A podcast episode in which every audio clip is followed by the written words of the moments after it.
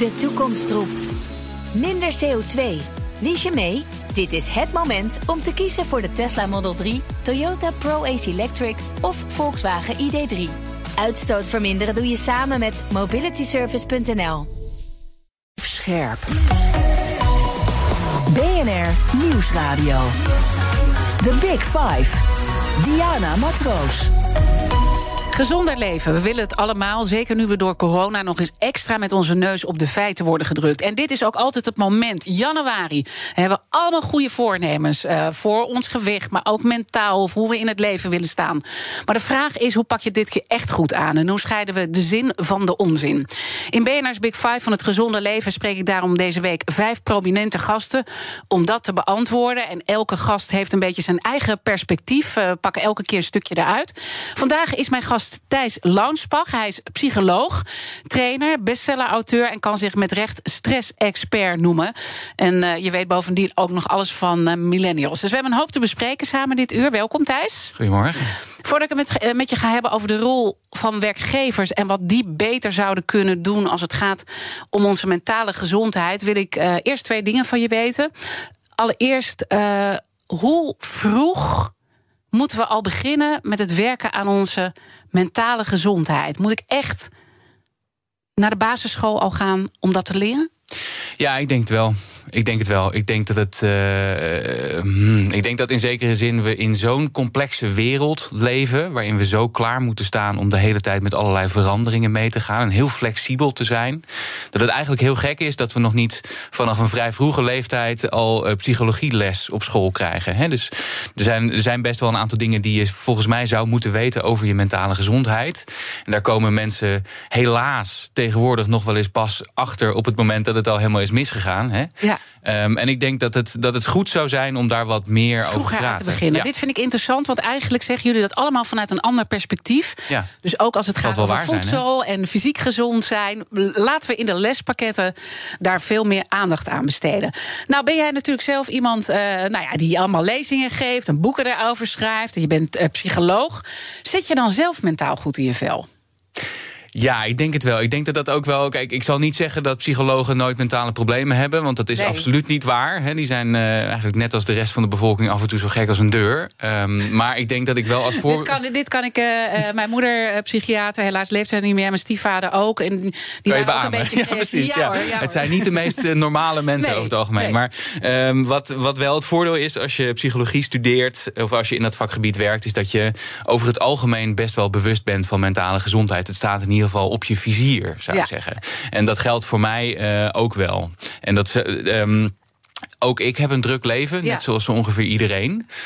Um, maar uh, een van de voordelen van je een aantal jaren verdiepen in stress is wel dat je dat heel duidelijk hebt op je. Dus dat, Dat je echt gewoon vroeg signaleert bij jezelf, ook als het ja, uh, en dat misgaat. is, denk, dat is denk ik ook de, de grote truc voor wat betreft stress. Niet zozeer dat je alle stress in je leven vermijdt. Want dat is denk ik niet meer mogelijk in de wereld zoals Mhm. we die nu hebben. Uh, maar wel dat je heel goed um, bewust bent van wanneer je net in het rood zit. Ja. En dan ook weet wat je moet doen. Daar gaan we het zo meteen uh, over hebben. Want dan komen we ook bij de kettingvraag straks uit van mijn gast uh, gisteren. Maar ik denk dat het goed is om eerst nog even wat definities ja. met jou af te lopen. En ook hoe we ervoor staan. Wanneer is iemand in jouw ogen mentaal gezond? Waar zit hem dat in? Oh, dat is een ongelooflijk moeilijke vraag. Ik ben dus nu bezig met een boek schrijven daarover om die vraag voor mij te beantwoorden. Want het gekke is dat we eigenlijk, als we het hebben over mentale gezondheid, hebben we het eigenlijk altijd over het tegendeel. Hè? Hebben we het altijd over mentale gezondheidsproblemen. Mensen die uh, psychisch uh, vastgelopen, zijn. vastgelopen zijn of een stoornis hebben. En we hebben het eigenlijk weinig over wat is nou, hoe kun je mentale gezondheid versterken. Mm -hmm. Um, maar één belangrijk punt is, denk ik, ook als ik uh, bijvoorbeeld een Mark Tuiter daarover ja. hoor, die heel met die stoïcijnse gedachten, volgens mij uh, ben jij daar ook op een bepaalde manier mee bezig, is hoe je met tegenslagen omgaat. Want tegenslagen ja. zijn gewoon fact of life in het leven. Maar de een kan daar goed mee omgaan en de ander niet. Absoluut. Dus die, die flexibiliteit daarin. Hè, dus die, die, uh, dan heb je het over weerbaarheid. Ja. Die is heel belangrijk. Uh, en daarnaast denk ik ook dat je, dat, je, dat je redelijk goed in je vel zit. Fysiek, maar ook mentaal. En die dingen hebben natuurlijk ook heel erg met elkaar te maken. Um, en ik denk dat dat, uh, dat, dat betekent niet En dat, dat is de kritiek die ik nog wel eens heb op de hele coachingwereld en wat daar allemaal in gepretendeerd wordt. Niet dat je altijd maar 100% gelukkig bent of dat je de baas altijd bent over je eigen mindset. Uh, maar wel dat je redelijkerwijs om kunt gaan met ook de moeilijkheden die het leven brengt. En als je dan kijkt uh, naar Nederland, wat voor cijfer geef je ons voor onze mentale gezondheid? Ja, ik vind dat ook weer een hele moeilijke vraag. Eigenlijk moet ik dan min of meer hetzelfde zeggen als, eh, als Martijn Katan eerder deze week. Uh, en dan kom je uit op een, op een 7 misschien, of zeven een 6,5. 7 ja. min zei hij. Maar hij zei dat is een, er is een heel groot verschil tussen een groep waarmee het heel goed gaat. en een hele grote groep waarmee het echt niet zo heel goed gaat. En met welke groep? Want je hebt ook, uh, uh, nou ja, we zitten nu natuurlijk in een coronaperiode nog steeds. Maar ook daarvoor heb je gekeken naar uh, chronische stress en ja. hoe het er allemaal. Hè, want je bent ook stressexpert. En, en welke groep valt jou dan het meeste op? Nou ja, een van de meest logische om nu naar te kijken is jongeren. He, we, we, we, zien dat daar gewoon ook. Uh, die, die, dit, dit was altijd al een hele hectische tijd en een hele uh, psychologisch uitdagende tijd voor die jongere groep. En dat is het eigenlijk met de coronacrisis nog een stuk meer geworden. He. Dus we zien dat daar veel eenzaamheid is, uh, veel somberheid is, veel angst is, veel onzekerheid is. En dat is eigenlijk alleen maar toegenomen in de coronacrisis. En speelt dan ook mee dat zij ook in hun ontwikkeling zitten. Want ik bedoel, iedereen heeft zich ook wel Zeker. eenzaam gevoeld in deze coronatijd. Maar ja, ik, ik, ik zeg niet dat ik uitontwikkeld ben, want ik ontwikkel me hopelijk nog verder. Maar zit het hem daarin? Daar zit het er zeker in. Hè. Dat, dat, wat je zegt, dat klopt heel goed. Um, dat, klopt helemaal. Jongeren, uh, die fase van je leven staat ook grotendeels in het teken van nieuwe verbindenissen aangaan met andere mensen. En als dat niet mag, dan doet dat wel degelijk schade, zou ik zeggen.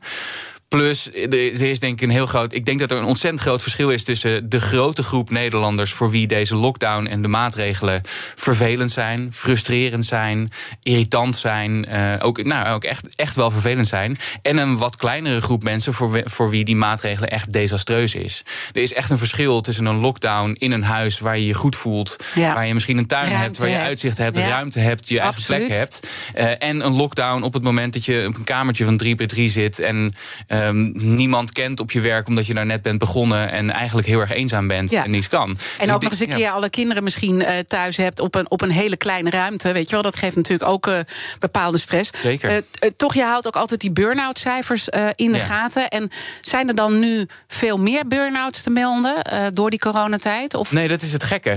Um, Oké, okay, het, het, slechte nieuws is het aantal burn-outs, als we afgaan op de cijfers die er elk jaar over verschijnen, is onverminderd hoog. Maar niet heel veel hoger geworden in de coronatijd. Dat is, dat is dat toch raar, wel een, toch? een tikkeltje Want we hebben het de hele tijd over dat mentaal zo zwaar is. Ja, en ik denk ook wel dat dat zich in andere dingen uit dan alleen burn-outs. Er zijn natuurlijk andere dingen ook nog dan burn-outs. Um, maar uh, ik, ik, ik vind dat wel een opmerkelijk gegeven. En ik denk dat dat komt doordat er misschien voor een heel groot deel van de mensen toch wat extra stress is bijgekomen. Mm -hmm. Maar blijkbaar misschien ook een ander deel is dat het echt wat rustiger heeft gekregen. En dat met, met het wegvallen van het forensen bijvoorbeeld.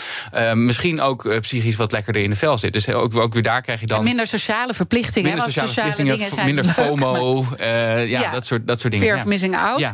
Uh, Oké, okay, dus, dus uh, maar ja, ik denk dat we ook nog misschien voorzichtig moeten zijn. Want als ik kijk naar bijvoorbeeld een instantie als de GGD, die zijn ja. totaal overwerkt. er zijn, los even van het vaccineren, er zijn enorme wachtlijsten. Ook voor mensen met psychische problemen. Er is zelfs al een wachtlijst voor de wachtlijst. Je hebt een wachtlijst voor de diagnose en een wachtlijst voor de behandeling. Ja. Dus, dus misschien weten we het ook gewoon nog niet. Hoe erg het is. Uh, dat is waar. Alleen voor die burn-out cijfers wordt over het algemeen niet per se gekeken naar de mensen die er behandeling voor krijgen. Uh, maar wordt er, worden er grootscheepse vragenlijsten gedaan. Mm -hmm. Dus dat, die methode is min of meer hetzelfde, denk ik, jaar over jaar, als ik het zo kan inschatten. Uh, maar ik ben met je eens, we zien we, zien nog maar een deel van de consequenties van zo'n lockdown uh, eigenlijk nu. En er komt nog een hele hoop aan. Ja, uh, in ieder geval werden ook voor uh, corona al heel veel meldingen gedaan. als het gaat over nou ja, meldingen. Ik zie 60% van het totaal aantal meldingen heeft met beroepsziekte te maken. Burn-out komt heel veel voor. Overspannenheid komt heel veel voor. Dit zijn allemaal cijfers een beetje nou ja, voor, voor die coronatijd. kan het zijn dat misschien we nu ook minder burn-outs hebben omdat werkgevers ook gewoon veel meer alert zijn op onze gezondheid? Want dat is Nou- misschien ook een positief effect van deze hele coronaperiode. Ik denk dat je daar wel iets te pakken hebt. En dat viel mij vooral helemaal aan het begin van de crisis heel erg op. Dat, eh, dat er opeens, en dat, dat deed mij heel veel deugd, opeens was er heel veel aandacht voor mentale gezondheid. Ik, kwam, ik, ik kom dus heel veel bij bedrijven over de vloer en praat heel veel met, eh, over, over hoe, hoe dat gaat binnen bedrijven. En dat viel me echt op in die eerste fase. Dat je heel veel bedrijven had waarin echt werd gezegd: zorg eerst goed voor jezelf. En dan komt daarna vanzelf het werk wel. Ja. Ehm, en dat, dat deed me echt deugd. Want ik denk dat, dat, eh, dat, dat er een soort besef was van we gaan met z'n allen door iets heel moeilijks en iets heel raars eh, heen. Ja. Dat heeft consequenties voor de mentale gezondheid. En de basis daarvoor is dat je goed voor jezelf kunt zorgen en de rest komt daarna. Ja, de vraag Het is of het. eh, want dat wou ik zeggen. We, zijn, we zijn het gevoel allemaal een beetje kwijtgeraakt. En Ja. als je het ook even lostrekt van corona, zo'n groot verhaal wat nu rond de voice speelt. Eh, dat gaat ook over werkgevers die zo'n open cultuur moeten creëren. Dat mensen dingen durven aan te geven. Of het nou over seksueel gren- grensoverschrijdend gedrag gaat. Of over het feit dat je gewoon niet lekker in je vel zit. Hebben we daar nog een wereld te winnen vanuit de eh, werkgeverszijde? Absoluut. En ik heb natuurlijk ook met, met verbazing zitten kijken naar, eh, naar de uitzending van gisteren. En wat er allemaal speelt. en wat er allemaal duidelijk is geworden. En er is mij één ding wel echt duidelijk. Dit gaat niet om incidenten daar. Dit is een.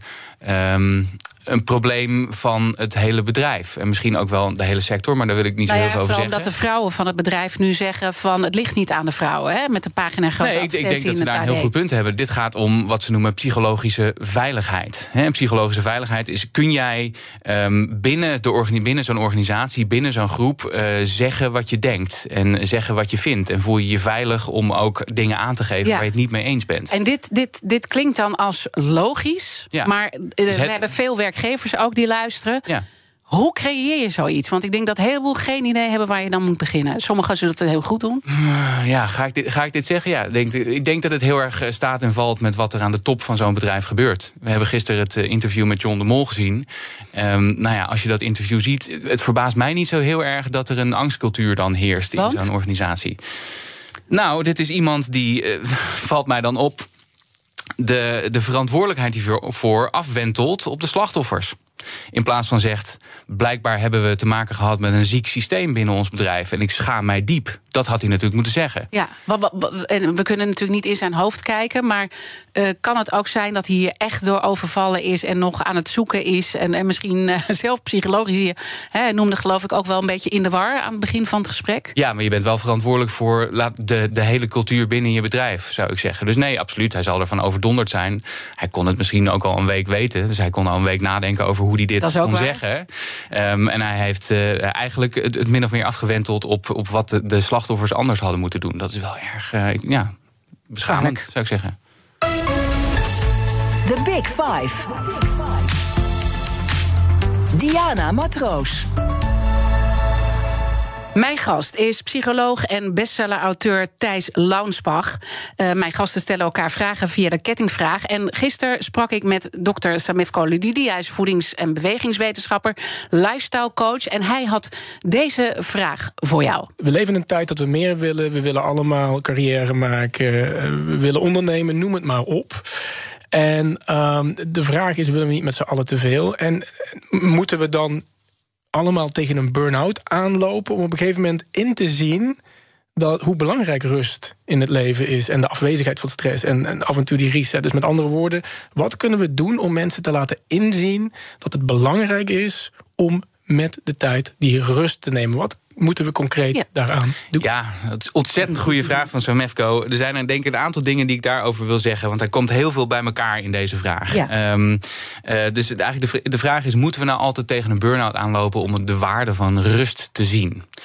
Ehm, eh, een, deel deel van het antwoord van de vraag is denk ik ja, helaas voor, voor veel mensen wel. En dat komt omdat je natuurlijk in je leven goed voor jezelf wil zorgen. Maar er zijn ook nog heel veel andere die we, dingen die we willen doen. We vinden ons werk belangrijk. We willen graag klaarstaan voor anderen. We willen een, een topmoeder of een topvader zijn. Hè, Al die dingen eisen we ook van onszelf.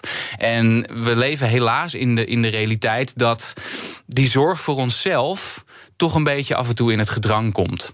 En een van de lastige dingen van stress, en zeker als je het hebt over chronische stress, is dat hoe meer je in de chronische stress zit. Misschien zal ik straks nog uitleggen wat het verschil Ja, ertussen ja, is. Maar hoe meer je in, het, in de chronische stress zit, hoe minder goed je eigenlijk op jezelf gaat passen. Dus wat je heel erg hoort van mensen die in een burn-out zitten over het algemeen, vaak zeggen die terugkijkend, hoe had ik nou al die signalen kunnen missen? Ja. Hoe had ik nou kunnen missen dat ik eigenlijk al maanden slecht sliep en dat ik heel veel hoofdpijn had en dat ik heel geïrriteerd was en dat ik eigenlijk geen zin meer in had? Nou, omdat je in een soort noodsysteem komt, je komt in een soort alarmsysteem. En eh, helaas, voor wat betreft burn-out, kun je dat vrij lang volhouden. Kun je, je kunt best een aantal maanden in de chronische stress zitten. Omdat we misschien ergens ook wel mentaal heel erg sterk zijn. We overtuigen Ja, onszelf. Eh, de, tegelijkertijd zijn we dus eigenlijk mentaal minder weerbaar geworden. Want dat, dat is eigenlijk ook wat je zegt. Maar het, het werkt dus twee kanten op Nee, eigenlijk. dat noodsysteem is een, is een zegen en een vloek, denk Ja. ik. Hè. Het zorgt ervoor dat je een heel eind nog door kan. Ehm, maar, maar op een gegeven moment is dat op. En dan trekt je lichaam aan de noodrem en dat is zo'n burn-out. En helaas moeten mensen soms tegen zo'n burn-out aanlopen... of soms tegen een crisis aanlopen om iets te veranderen in hun leven. Dus dat is deel 1 van het antwoord van de vraag. Deel 2 van het antwoord van de vraag is... kunnen we niet iets meer doen? Wa- wat moet er gebeuren om de waarde van rust in te zien?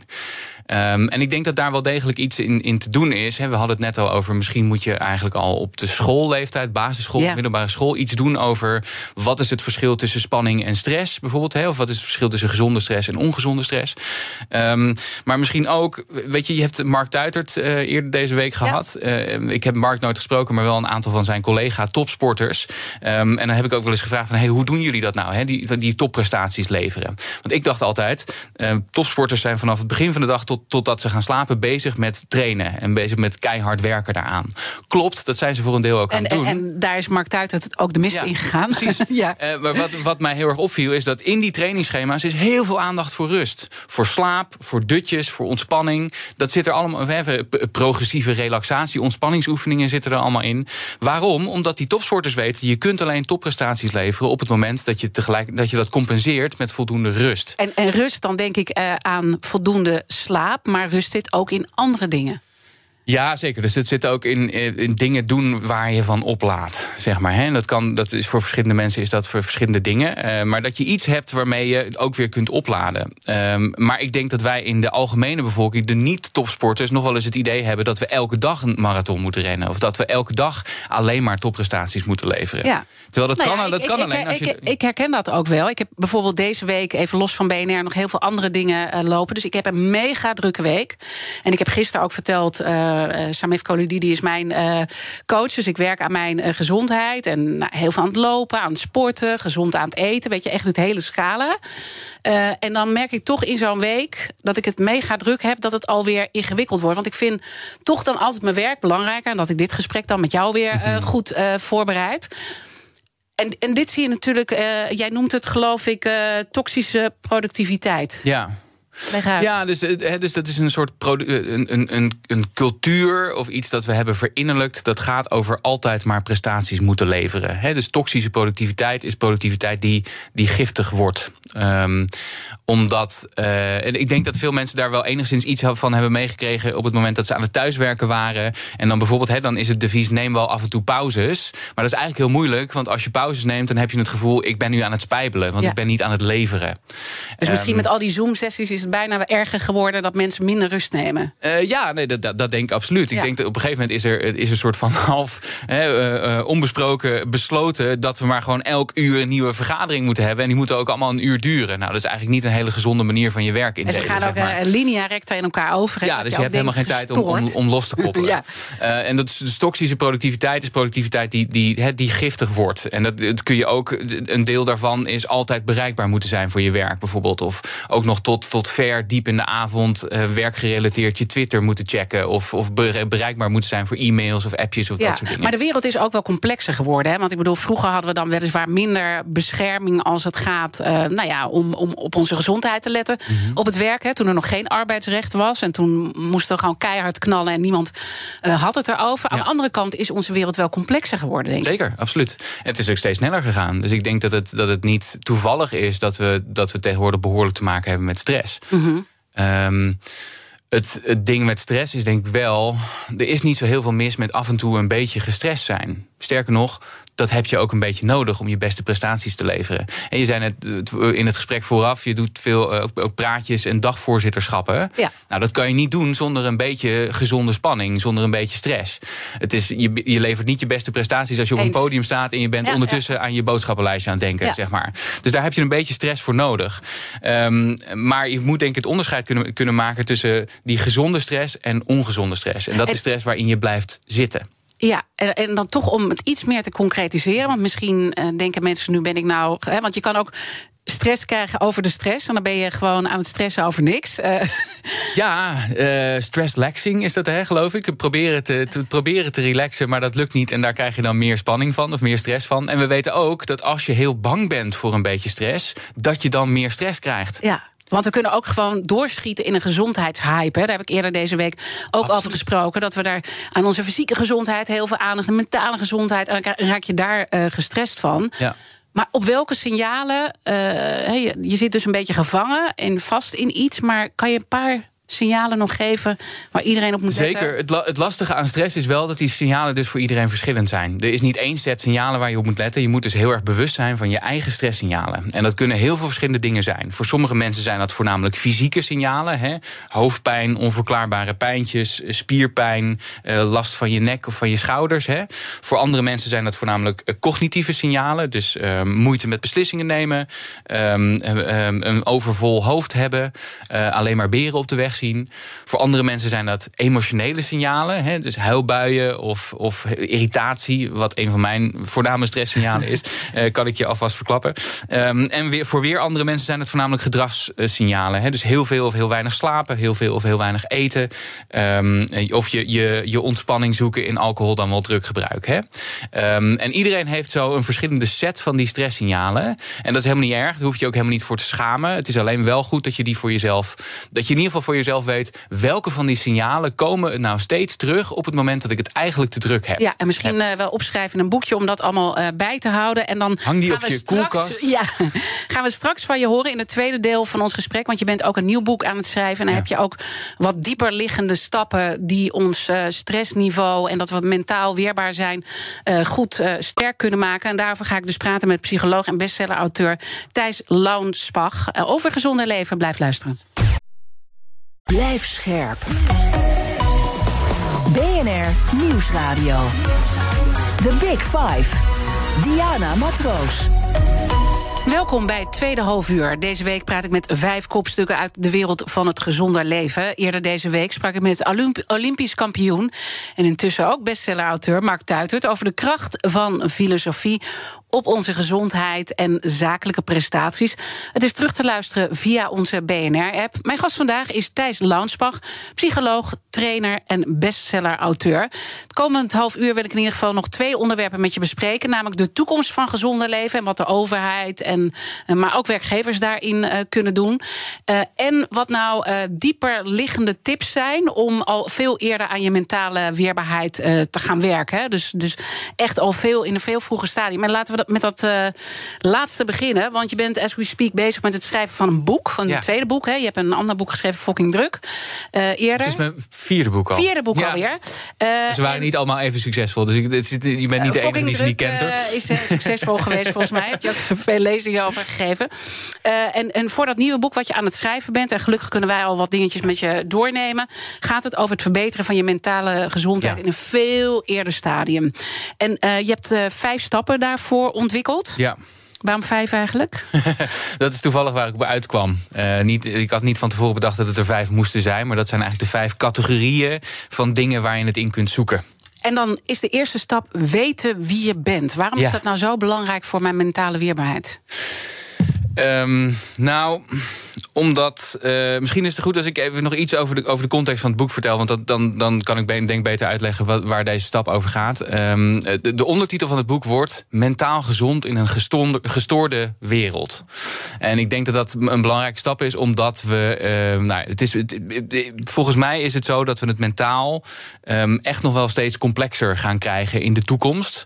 Ehm, en, de- en, En dat was al veel complexer geworden, want dat beschreef ja, je net. ja, dus we hebben in Nederland, dan spreek je over de geluksparadox. We, hebben het, we zijn welvarender dan ooit, we leven langer dan ooit, we zijn veiliger dan ooit, maar toch hebben we meer dan ooit ook last van psychologische en psychiatrische problemen. Nou, waar ligt dat nou aan? Dat was eigenlijk het vertrekpunt van het boek. Ik denk dat een onderdeel daarover is dat we, dat we dingen zijn gaan verwachten van het leven die misschien niet helemaal realistisch zijn. Van die hoe ons leven. Ja, dus we zijn gaan verwachten dat ons leven maakbaar is. Dat we zelf keuzes kunnen maken en dat het dan ook uitkomt in ons leven. Dus, en dat ook een set verwachtingen over hoe ons leven er van buiten uit moet zien. Wat voor baan we zouden moeten hebben. Wat onze financiële ehm, situatie zou moeten zijn. Hoe ons lichaam eruit moet zien. we moeten uh, gelukkig en gezond en fit en aantrekkelijk zijn. En dat allemaal 24 uur per dag, ja, zeg maar. En je moet het ook lekker allemaal ehm, zelf regelen. Want dat hoort eigenlijk ook een beetje, dat uh, zei Erik Buskens, volgens mij, hoogleraar gezondheidsbeleid. Die zei, er is een soort frame, ja. ook door de politiek over en, en door allerlei partijen, dat we het ook allemaal maar zelf moeten doen. En het ligt aan onszelf als het niet lukt. De verantwoordelijkheid ligt altijd bij het individu. En dat, dat, dat is voor fysieke gezondheid zo, maar dat is voor mentale gezondheid ook zo. En ik denk dat het onderdeel daarvan ook is he, dat, dat we het idee krijgen dat we een soort supermens moeten zijn. Dat we alles moeten kunnen en dat we alle uh, topprestaties moeten leveren altijd. En ik denk onderdeel van, nou kom ik terug bij je vraag, onderdeel bij van, van weten wie je bent, is weten wat je goede punten zijn, wat je talenten zijn, maar ook de dingen die je niet zo goed kan of die je niet zo goed liggen en dat ook oké vinden. En weten een heleboel mensen dat dan eigenlijk niet? Nou, ik, de, ik, ik, ik, maak me wel eens zorgen, zeker in het huidige klimaat rond coaching en veel mental coaches en, en die kant en met die zelfhulpkant, dat we het idee krijgen dat alles mindset is en dat we, dat we alles moeten kunnen oplossen met ons eigen hoofd. En um, toch he, dat, dat we er wel komen met positief denken. Terwijl ik denk een realistisch verwachtingpatroon hebben over wie je zelf bent en wat je kan en, en wat, en wat je niet kan. En wat je niet kan, vooral ook. Uh, en wat een geslaagd leven eigenlijk is. Namelijk een oké leven, maar niet een, een, een, een, een, een overdonderend, eh, uitputtend, fantastisch leven. Ja. Um, is denk ik heel erg is, is een belangrijk. Uh, um, en zou je dan bijvoorbeeld een voorbeeld uh, kunnen geven van uh, iemand die dan erachter moet komen wie die is en dan misschien eigenlijk het verkeerde doet nu? Nou, er is gewoon een heel duidelijk verschil tussen mensen die introverter zijn aangelegd en mensen die extraverter zijn aangelegd, bijvoorbeeld. Introvertere mensen die, die, die kost sociaal contact over het algemeen best wel wat moeite. En extraverte mensen die laden op van sociaal contact. Um, een introvert persoon moet je bijvoorbeeld niet per se in een salesfunctie zetten. Want die moet de hele tijd bezig zijn met zichzelf verkopen en naar buiten toe in sociale relaties. Dat kost gewoon heel veel energie. Uh, maar dat moet je wel weten van jezelf. Um, en als je he, iets anders is eh, wat ze dan noemen agreeableness in de psychologie, he, aardigheid, vertalen we dat ook nog wel eens. Uh, er is een grote groep mensen die vooral gericht is op wat andere mensen van hen verwachten en, en, bezig zijn klaar te staan voor andere mensen. Als je dat heel erg hebt, dan is dat fantastisch voor de mensen om je heen of fantastisch voor de mensen met wie je werkt. Maar zul je misschien toch ook jezelf een beetje moeten trainen in voor jezelf opkomen, want dat heb je ook nodig. He, allemaal van, van, die, van die onderdelen van hoe zit ik eigenlijk in elkaar. Stap ook. Uh, daarin belangrijk om op te komen voor jezelf dat je op jezelf moet vertrouwen? Want dat is een van de andere stappen. Dat is een van de andere stappen, ja. ja, ja. Uh, en dat, dat gaat denk ik over van jezelf snappen dat je niet uh, altijd wereldprestaties kunt leveren. Maar dat je wel erop kunt vertrouwen dat je, dat je je mannetje of vrouwtje staat in een situatie als dat nodig is. En dat gaat bijvoorbeeld ook over op je eigen emoties kunnen vertrouwen. He, we wordt ons nog wel eens geleerd dat negatieve emoties niet mogen. Dat we eigenlijk niet boos mogen zijn, of niet verdrietig mogen zijn, of niet angstig mogen zijn.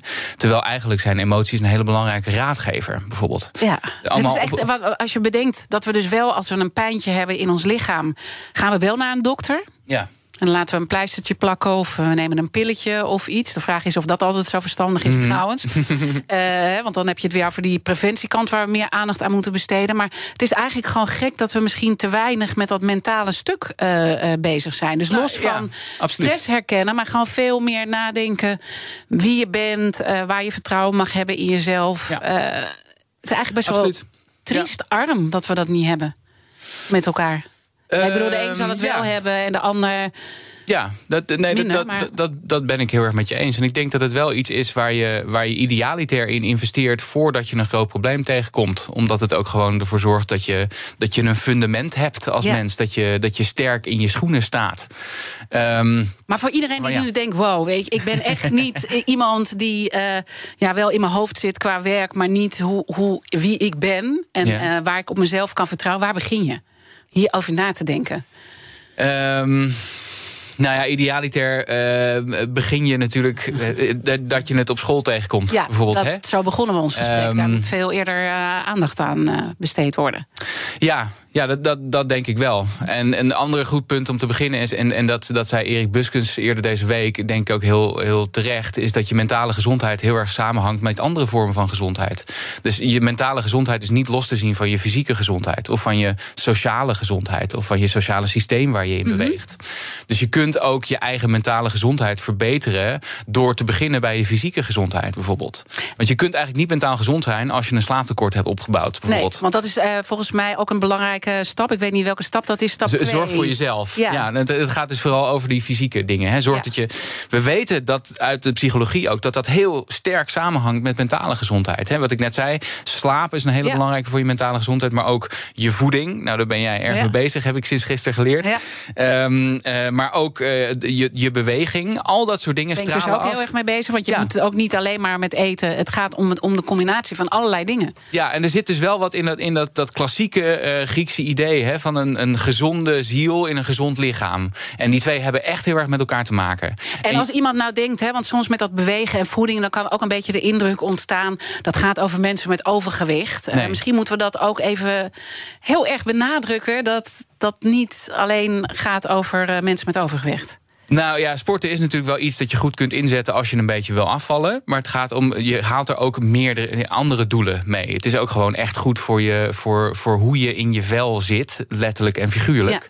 Ehm, dus we weten dat het ook eh, qua zeg maar, je gemoedstoestand best wel voordelen heeft om te sporten. Je hoofd leegmaken. Je hoofd leegmaken. Het is een hele goede manier om met stress om te gaan. Ehm, en je voelt je er eh, misschien niet tijdens en misschien niet vooraf, tenminste als ik voor mezelf spreek, maar zeker achteraf voel je er eh, beter over jezelf over. Ja. Als je hebt gesport. Ehm, dus ik denk dat dat echt zo'n voorbeeld is. En een ander ding dat we, dat we echt wel onderschatten is de, ehm, de invloed die andere mensen op ons hebben. We hebben heel, we zijn, ik denk dat we heel erg geneigd zijn in onze wereld om onszelf als een individu te zien. En ook als individu als, on- als, als middelpunt van ons leven. Mhm. Dat zei je Maar- net ook, hè? Dat Ja. is ook een beetje nou ja, het frame wat er over ons allemaal wordt eh, heen Ja. gelegd in deze eh, tijd. En, en dan zeg je, we moeten veel meer bewust zijn van die sociale omgeving of sociale cohesie. En dan zullen mensen ook weer denken, jeetje, dat klinkt vaag. Ja, nou, een andere manier van het te zeggen is gewoon: je hebt de mensen om je heen keihard nodig. ja, uit. voor je eigen mentale gezondheid. Want die, zijn, die vormen een soort buffer tussen jou en de wereld. En die kunnen je, als het goed is, helpen om je eigen emoties eh, te leren kennen. En ook doorheen te werken. Die zorgen voor steun. Ehm, en die, die steun die heb je gewoon keihard nodig als Ja. mens in deze wereld. maar tegelijkertijd zeg je dat die sociale omgeving ook juist heel veel druk op je kan uitoefenen. Ja, Eh, in negatieve zin, hè?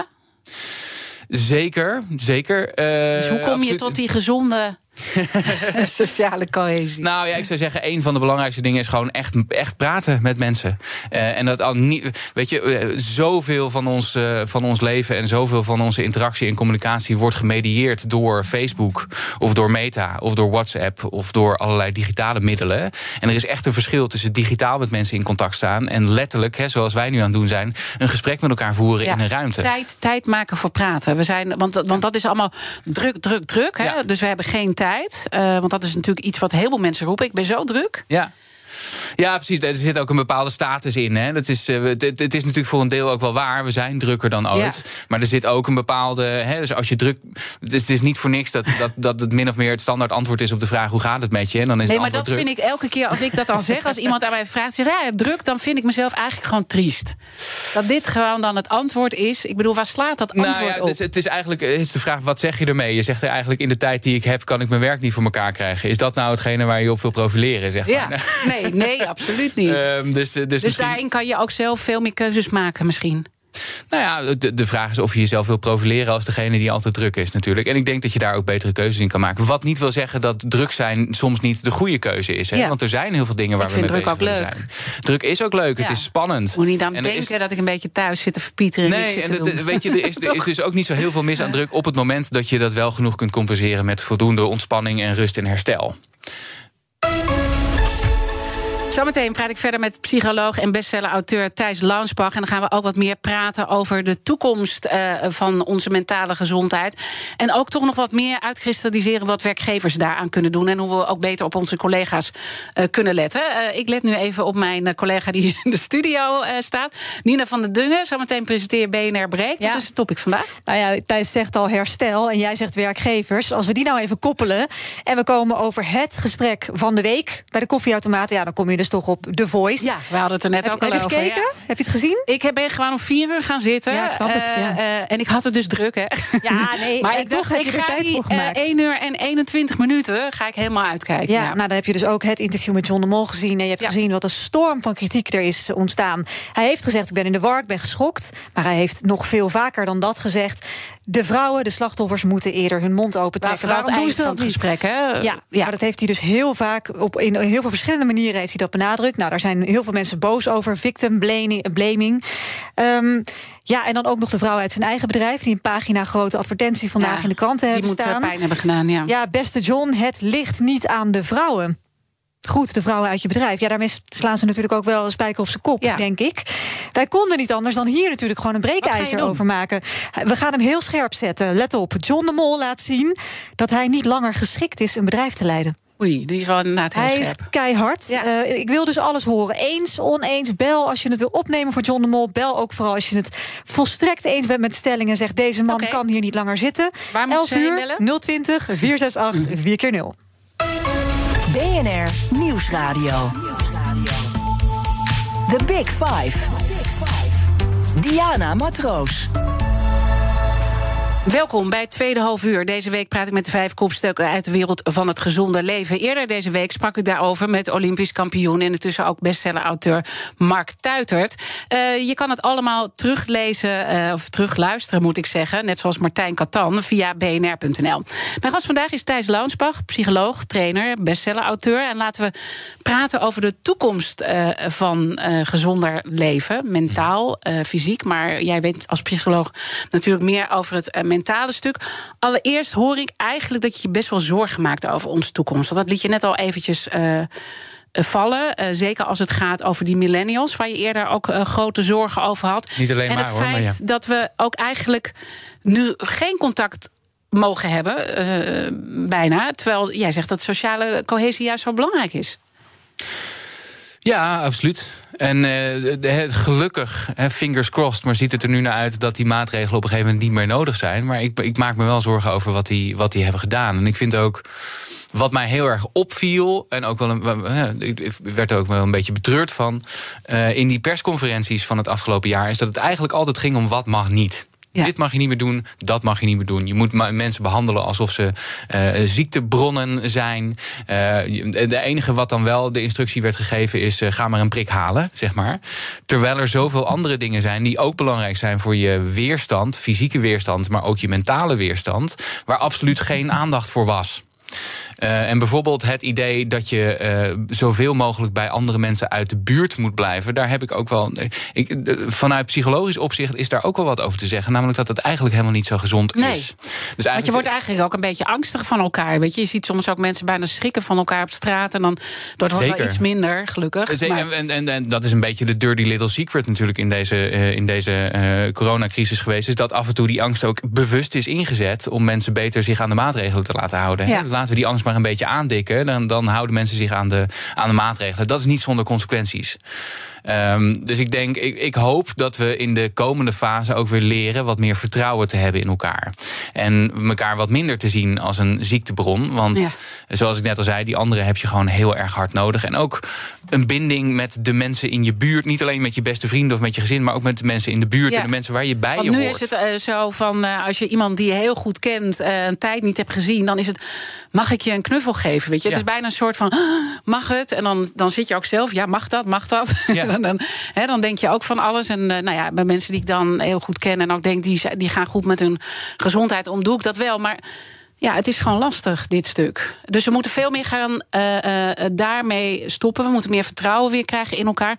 Maar had, had de overheid ook meer kunnen communiceren wat we wel hadden moeten doen? Nou, ik denk het wel. Ik denk het wel. En dat is echt denk ik een gemiste kans geweest. Omdat uh, we ook weten dat die mentale gezondheid heel belangrijk is. Voor of je deze maatregelen volhoudt en hoe gezond je überhaupt bent in je mm -hmm. leven. Dus ik snap niet zo goed waarom ze nooit, eigenlijk heel, veel te weinig hebben gezegd: ga meer naar buiten. Ja. Want dat kon gewoon wel. Daar word je bijna Ga niet besmet. sporten. Ga sporten. Ga, Ga vooral heel veel wandelen. We weten dat wandelen, en met name in de natuur, een ontzettend goede manier is om met, met, eh, eh, Ja. met stress om te gaan.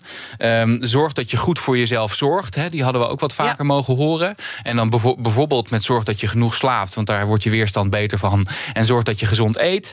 Ehm, zorg dat je iets kunt doen. Ook al word je op je kamer gezet eh, en kun je heel veel dingen niet. Dat van nut is. Dat een gevoel van betekenis bevat voor je. En het liefste dat niet alleen van nut is voor jou. Mhm. Maar ook voor anderen. Of voor de wereld als geheel. Want daar, hè, dus dat is een van de dingen die Ja. ons ook echt gelukkiger maakt. En, en, en sterker maakt. Als je iets doet dat van nut is. Ehm, en wat ik ook wel heb gemist. En, en, en neem het vooral niet persoonlijk. Maar is ga minder naar je Facebook-wall kijken. Of je Instagram-wall. En kijk minder naar het nieuws. Of Ja. luister minder naar het nieuws. Gewoon die Want dat houdt je ook telefoon af en toe weg. ja, want dat houdt je ook heel erg in, Ja. de, in de spanning. Ja, wij Ehm, spreken elkaar daar nu ook thuis op aan. Want het is gewoon af en toe niet eh, te doen. Ja. Hoe vaak je daar allemaal op zit met de, met de beste bedoelingen. Eh, dan nog even eh, heel kort. Eh. Je hebt al iets gezegd over die open cultuur eh, die werkgevers moeten creëren. Zodat veel eerder duidelijk is eh, dat iemand durft aan te geven dat het niet goed met Ja. hem of haar gaat. Maar wat kunnen werkgevers nog meer doen? En ook wij als collega's onderling om op elkaar te letten. Ja. Heel kort, ik ga even een, een- paar kernpunten. Hè. De psychologische veiligheid hebben we al behandeld. Eh, twee, zorg dat er hulp aanwezig is voor mensen die in de stress zitten. En het liefst ook voor men- eh, hulp waar je naartoe kunt, nog voordat je in een burn-out belandt. Hè, hulp na een burn-out is ook heel belangrijk. Maar idealiter voorkom je dat mensen daar komen. doordat er een vertrouwenspersoon is die ervan af weet. doordat je mensen hebt die, die snappen hoe dat, hoe dat werkt. eh, doordat je. Maar vertrouwenspersonen zijn er meestal toch wel?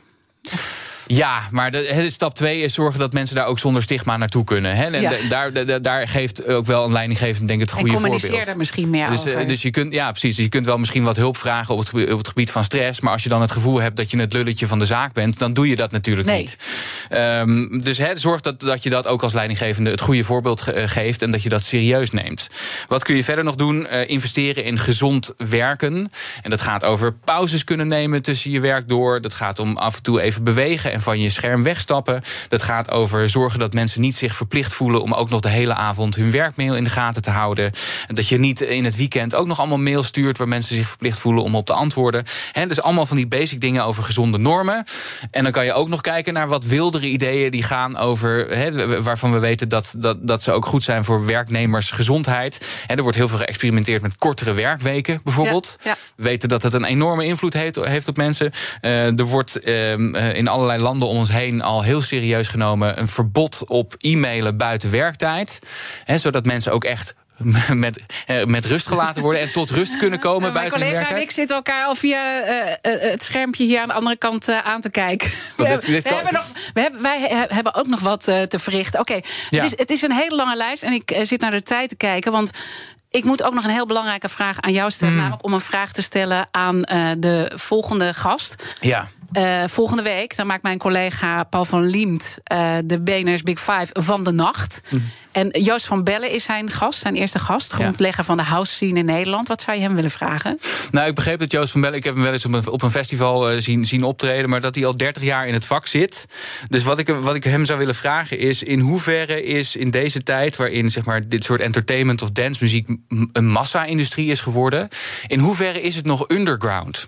Of zijn er nog undergrounds voor wat betreft die dance scene? En hoe is dat veranderd in de afgelopen 30 jaar? En eh, zie, je nog daarin iets gebeuren in de, kom, in de toekomst van de dancemuziek? Hele leuke vraag, gaat hij zeker stellen. Je, je mag nog, ik heb een halve seconde. Is er nog één ding wat je echt hebt gemist, wat je denkt dat moet ik nog hebben gezegd? nou, eh, oké, halve seconde. ehm, ik, ik Of halve denk- seconde, 30 Of, seconden. 30 seconden. Ik, ik, ik denk dat we af moeten van dat rare idee dat we altijd maar de allerbeste versie van onszelf moeten zijn. Mentale gezondheid gaat ook over af en toe snappen dat je een keertje niet de beste versie van jezelf bent en dat dat ook oké is. Dankjewel. Ik eh, knoop hem eh, tussen mijn oren. Dankjewel, psycholoog en bestseller-auteur Thijs Launsbach. En natuurlijk zijn alle afleveringen van dit mooie programma terug te luisteren. Je vindt de podcast in onze BNR-app en op bnr.nl. Maar luister zo meteen naar Nina van den Dungen natuurlijk. BNR breekt. En dat gaat over uh, John de Mol, die daar centraal staat. Ik wens je intussen een mooie dag, een mooi weekend en wees gezond. De toekomst roept. Minder CO2. Lies je mee?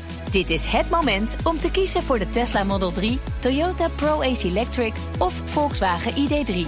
Uitstoot verminderen doe je samen met mobilityservice.nl.